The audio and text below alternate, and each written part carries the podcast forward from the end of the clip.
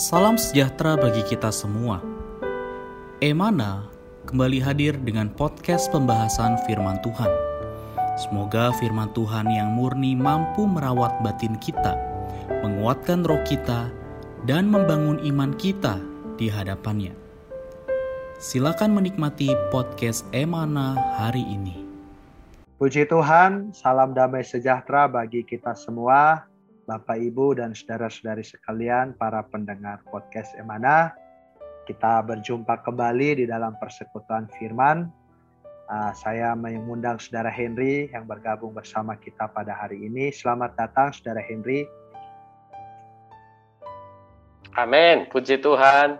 Haleluya, saudara Stefanus. Amin. Amin. Terima kasih untuk waktunya, saudara Henry. Nanti bisa bersekutu lebih banyak Kembali lagi kami juga mengingatkan saudara-saudara, saudara-saudari bahwa uh, podcast ini juga dibuat dengan mengikuti porsi pembacaan Alkitab yang ada di renungan harian.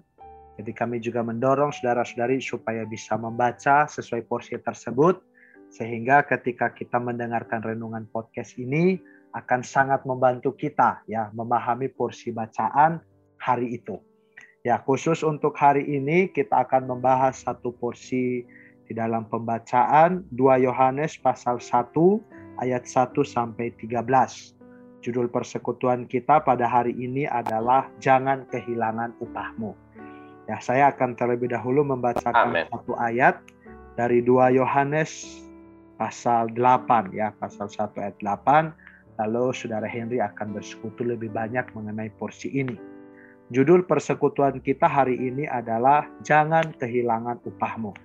2 Yohanes pasal 1 ayat 8 mengatakan, Waspadalah supaya kamu jangan kehilangan apa yang telah kami kerjakan itu, tetapi supaya kamu mendapat upahmu sepenuhnya. Puji Tuhan ya. Kalau kita membaca ayat ini di sini ada kata upah. Nah, tentu saja kita mau tahu ya eh, apa yang dimaksud dengan upah di sini Lalu dalam hal apa kita mendapatkan upah tersebut? Nah, saudara Henry akan membantu kita melihat perkara ini. Waktu dipersilahkan kepada saudara Henry. Amin. Amin. Di Tuhan, saudara-saudari, kita melihat rasul terakhir yang uh, meninggal ya itu adalah Rasul Yohanes dan ketika dia menulis kitab ini kita melihat bahwa eh, gereja telah mengalami begitu banyak kemerosotan, ya. Karena itu eh, sangat penting bagi Yohanes yang sudah tua ini untuk mengingatkan kepada kaum beriman saat itu agar mereka berwaspada, jangan sampai mereka kehilangan apa yang telah dikerjakan oleh para rasul Ya, para rasul telah memberitakan sepenuhnya Injil kerajaan, ya kan? Keselamatan yang di dalam Kristus Yesus itu kepada setiap kaum beriman. Karena itu, mereka perlu mengerjakan keselamatan mereka. Mereka perlu perlu terus tinggal di dalam ministry persekutuan para rasul sehingga kalau mereka setia, mereka akan mendapatkan upah mereka sepenuhnya. Tentu apa yang kita bicarakan ini bukan sekedar pengajaran, tapi mereka perlu memperhatikan kehidupan dan pekerjaan masing-masing. Karena ketika Tuhan kembali, Ia akan mengumpulkan hamba-hambanya di hadapannya dan menghendaki mereka untuk mengadakan perhitungan atas kehidupan dan pekerjaan masing-masing. Nah, puji Tuhan. Karena itu, meskipun kita memang selamanya sudah beroleh selamat, itu tidak dapat diubah. Tetapi kita tetap harus memberikan pertanggungjawaban atas kehidupan pekerjaan kita kelak di depan tahta penghakiman Kristus. Karena itu Yohanes dengan serius mengatakan waspadalah. Ya, apalagi di zaman ini saudara-saudari kita hidup di zaman yang semakin gelap, di di tengah-tengah angkatan yang bengkok dan sesat atau jahat hatinya. Ya di zaman yang tanpa Allah. Karena itu kita perlu memperhatikan kehidupan pekerjaan kita agar kehidupan dan pekerjaan kita ini tahan pembakaran ya bisa lulus ujian, ya bisa lewat melalui tahta penghakiman Kristus. Karena itu Tuhan ya, seperti seorang guru ya yang akan memeriksa catatan murid-muridnya. Ya, memeriksa ujian murid-muridnya apakah mereka mendapatkan pahala atau eh, apa ujian ulang ya. Amen ya. Jadi Tuhan pun akan memeriksa catatan kita, kehidupan kita, pekerjaan kita. Dia akan menetapkan apakah kita berhak mendapatkan pahala atau menderita kerugian. Puji Tuhan. Amin. Amin. Baik, terima kasih Saudara Henry atas penjelasannya. Uh, selanjutnya ya, uh, saya ingin tahu atau mungkin juga ya ini saudara-saudari juga ingin tahu bagaimana ya caranya. Tadi kita sudah melihat pada kedatangan Tuhan, ya dia akan memeriksa pekerjaan masing-masing orang dan uh, akan diberi upah atau akan menerima hukuman.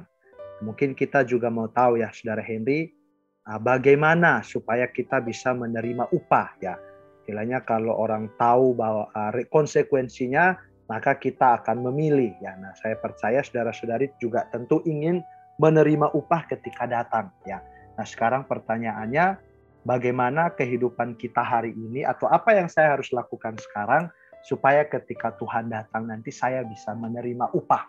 Ya demikian mungkin saudara Henry boleh membantu uh, melihat perkara ini. Amin.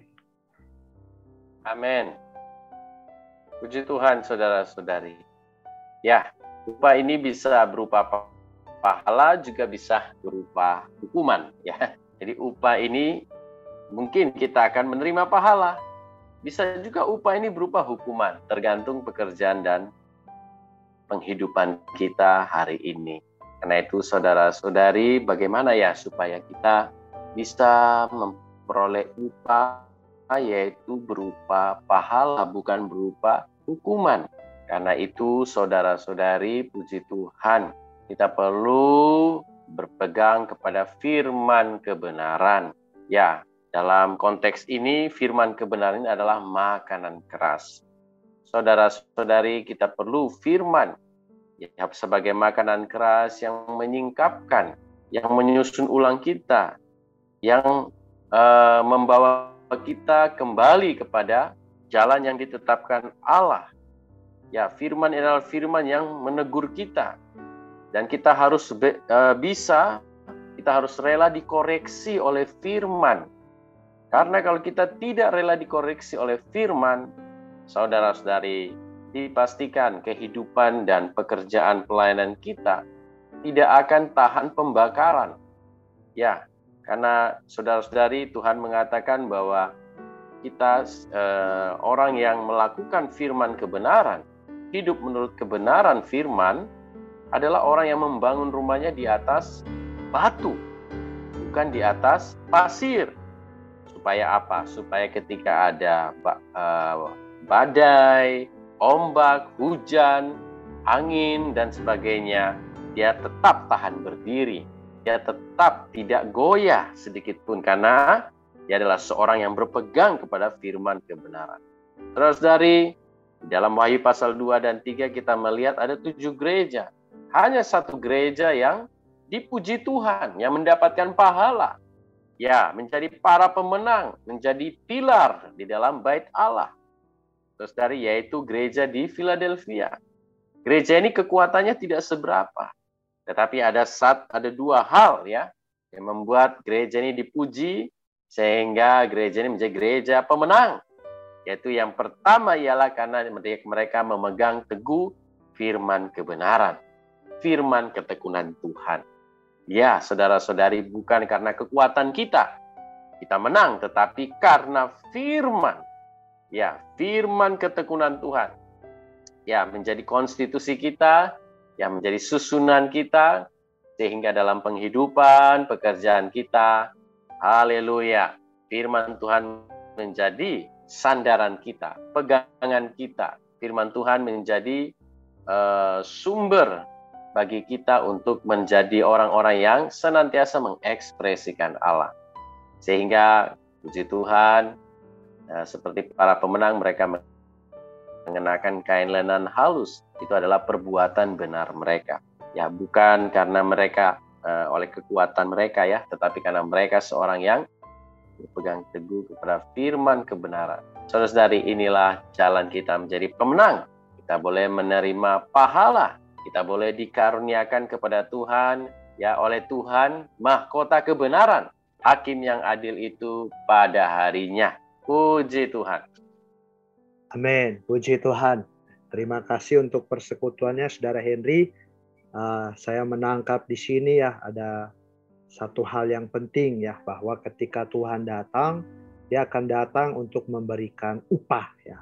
Nah, tadi sudah diperjelas upah ini bisa berupa pahala juga bisa berupa hukuman. Nah, kalau kita ingin menerima upah berupa pahala, maka kita harus memperhatikan bahwa upah demikian diberikan berdasarkan kehidupan dan pekerjaan kita. Nah, saudara kita tadi membantu kita dalam satu hal praktis, yaitu bahwa mereka yang akan menerima upah berupa pahala adalah mereka yang memegang teguh perkataan firman atau perkataan kebenaran ya. Semoga ya kita juga menjadi orang-orang yang berpegang teguh pada firman kebenaran ya. Tadi dikatakan bukan lagi menerima makanan yang lembut tapi menerima makanan keras ya. Artinya firman yang kita terima itu harus mengoreksi kehidupan dan pekerjaan kita di hadapan Allah. Semoga persekutuan ini juga membantu kita ya mulai hari ini boleh kembali Amen. Nah, berpegang teguh pada firman kebenaran. Puji Tuhan. Untuk Amen. menutup persekutuan kita, saya minta sekali lagi apakah Saudara Henry bersedia menutup di dalam doa. Amin. Amin. Mari saudara-saudariku kita berdoa. Amin. Tuhan Yesus, terima kasih. Hanya firman-Mu lah yang dapat mengoreksi penghidupan dan pekerjaan kami. Amin. Sehingga penghidupan, pekerjaan kami, oh Tuhan boleh layak. Tuhan boleh tahan uji di depan tahta penghakiman-Mu kelak. Amin. Tuhan sungguh kami takut dan gentar ya Tuhan. Dan Tuhan persembahkan diri, diri kami sekali lagi. Tuhan Amin. menjadi orang-orang memiliki satu penghidupan, pekerjaan yang berkenan. Oh, kepadamu. Amin. Satu penghidupan yang senantiasa menikmati firman-Mu. Tuhan, sehingga Tuhan uh, kami boleh mendapatkan upah yaitu pahala, kami Amin. bisa meraja bersama dalam kerajaan-Mu. Oh Amin. Tuhan, terima kasih Tuhan. Amin. Kami perlu anugerah-Mu. Amin. Kami perlu pelayan-Mu yang limpah lengkap. Oh Tuhan, sehingga kami tetap waspada.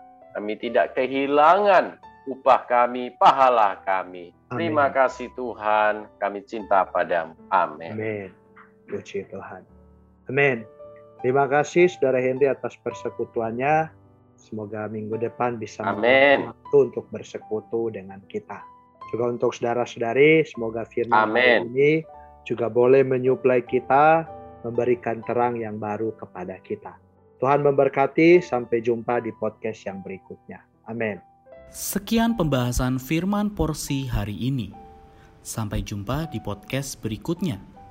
Jangan lupa untuk download aplikasi Emana pada handphone Anda untuk manfaat yang lebih banyak. Tuhan Yesus memberkati.